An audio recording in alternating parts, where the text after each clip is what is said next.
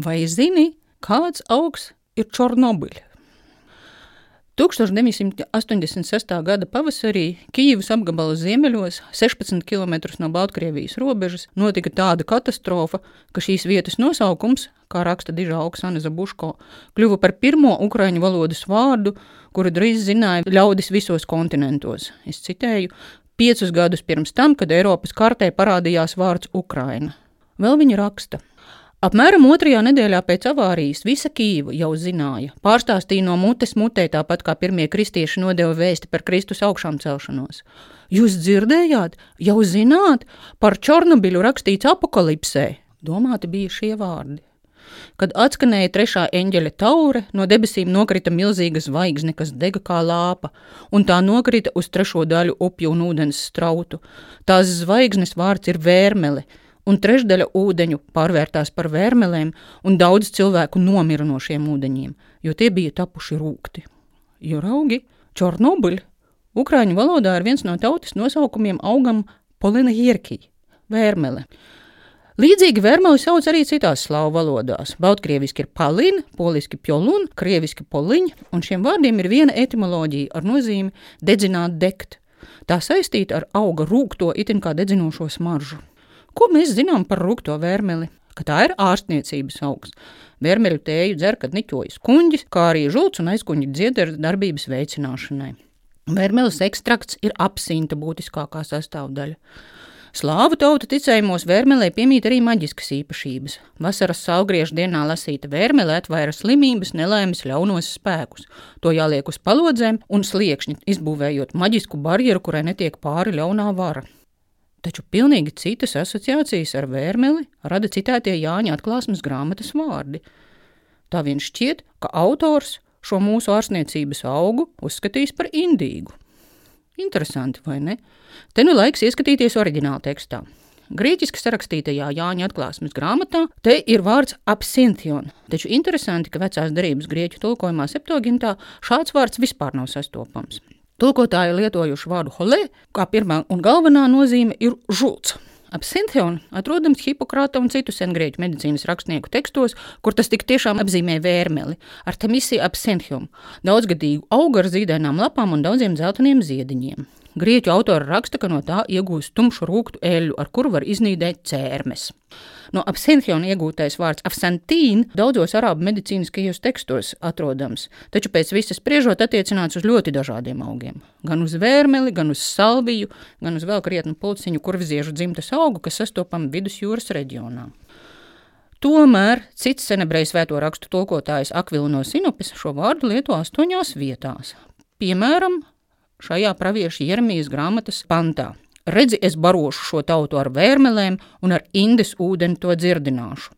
Diez vai te runa būtu tikai par vērmeles rūkto garšu. Izklausās kaut kā nopietnāk. Senebreju tekstā šajās vietās ir vārds laana, un, kad esam to ieguvuši, varam sākt pētīt, kāds augsts tad īsti bija prātā atklāsmes grāmatas autoram. Diemžēl senebreju tekstā šis vārds lietots tikai tajās pašās vietās, tātad neko jaunu par tā nozīmi mēs neuzzinām. Tā joprojām ir tikpat nenoteikta, netieša. Ir skaidrs, ka runa ir par kaut ko nīstamu. Radniecīgajā arābu valodā la'an nozīmē lāsts. Interesanti, ka klasiskais angļu tulkojums tā saucamā karaļa jēkaba bībele vienā no šīm vietām la'ana tulko kā velnarūtks, hemlock. Citās vietās kā vērmele, wormwood. No svētajiem rakstiem šo vārdu Lana aizguvis mūsdienu ivrits. Un šādi ar dažādiem pievārdiem sauc astoņus dažādus vībotņu ģints augus. Tiesa, Artemisija absinthium mūsu vērmele vismaz pat laban Izrēlā neaug. No šiem astoņiem rūkti ir visi. Indīgs nav neviens. Visrūktākā un šķiet visizplatītākā ir Artemisija herba alba. Tā ir ļoti aromātiskas lapas, dzeltenīgi ziediņi un to klājas smalki matiņi, kas atstaro saules gaismu. Tādēļ augs izskatās gandrīz sudrabots. Zinātnieki spriež, ka visticamāk tieši tas ir rakstos minētais augs.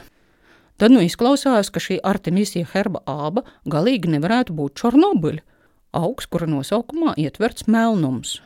Un jā, nu dien, sākuši pētīt botāniku, mēs atklāsim, ka par Čornobiļu Ukrainā sauc nevis vērmeli, Artemisija absinthium, bet vībotni, Artemisija vulgāris. Abi ir vienas vībotņa ģins augi. Taču Izrādās, ka par polinu tik tiešām sauc gan vērmeli, gan vībotni. Vērmele ir polina hirkī, rūktā savukārt vībotne Čornobuļa ir polina zvičainī, parastā. Tas, ka vienam augam var būt vairāki nosaukumi, ir labi zināms. Arī mums ir gan pīpene un margrietiņa, gan maipuķīte un kreimene. Tomēr arī nosaukuma pārklāšanās nav nekāds retums. Ines Sēdelmans un arī Ozols latviešu valodas augu nosaukumos lasām, ka šur tur vidzemē vībotne saukta par vērmeli, savukārt vērmeli šur tur zemgalē par vībotni. Gan vērmelē, gan vībotnē ir rūkta garša un asa smarža, ko rada tujons organisks savienojums, kas pār lieku lielā daudzumā ir toksisks un var izraisīt smagu organismu saindēšanos. Vērmelē gan tujona ir vairāk, tādēļ dzīvnieki to nēd, un tās tuvumā neaug citi augi. Doma par zvaigzni vārdā vērmele un par to, ka trešdaļa ūdeņu pārvērtās par vēmelēm un daudz cilvēku nomira no šiem ūdeņiem, Literatūrā par Černobiļas katastrofu sāka parādīties gandrīz uzreiz pēc sprādziena. Šī doma ļoti labi noderēja notikuma apiekšanai. Zvaigzne kļuva par radioaktivitātes metaforu, kas nes nāvi un saindē gluži konkrētus ūdeņus, pripjatu un arī dabu kopumā. Botāniķi tajā laikā acīm redzot bija tikpat satriekti kā pārējie un ļāva tapt leģendai, kurā pilsētas nosaukums Ukraiņu apziņā cieši saudās ar postkatastrofisko simbolismu. Gluži nevainīgās vībotnes nosaukumā tika saskatīta nenovēršamība. Čornobiļai it kā izsenis bija paredzēts posts, šausmas un bailes.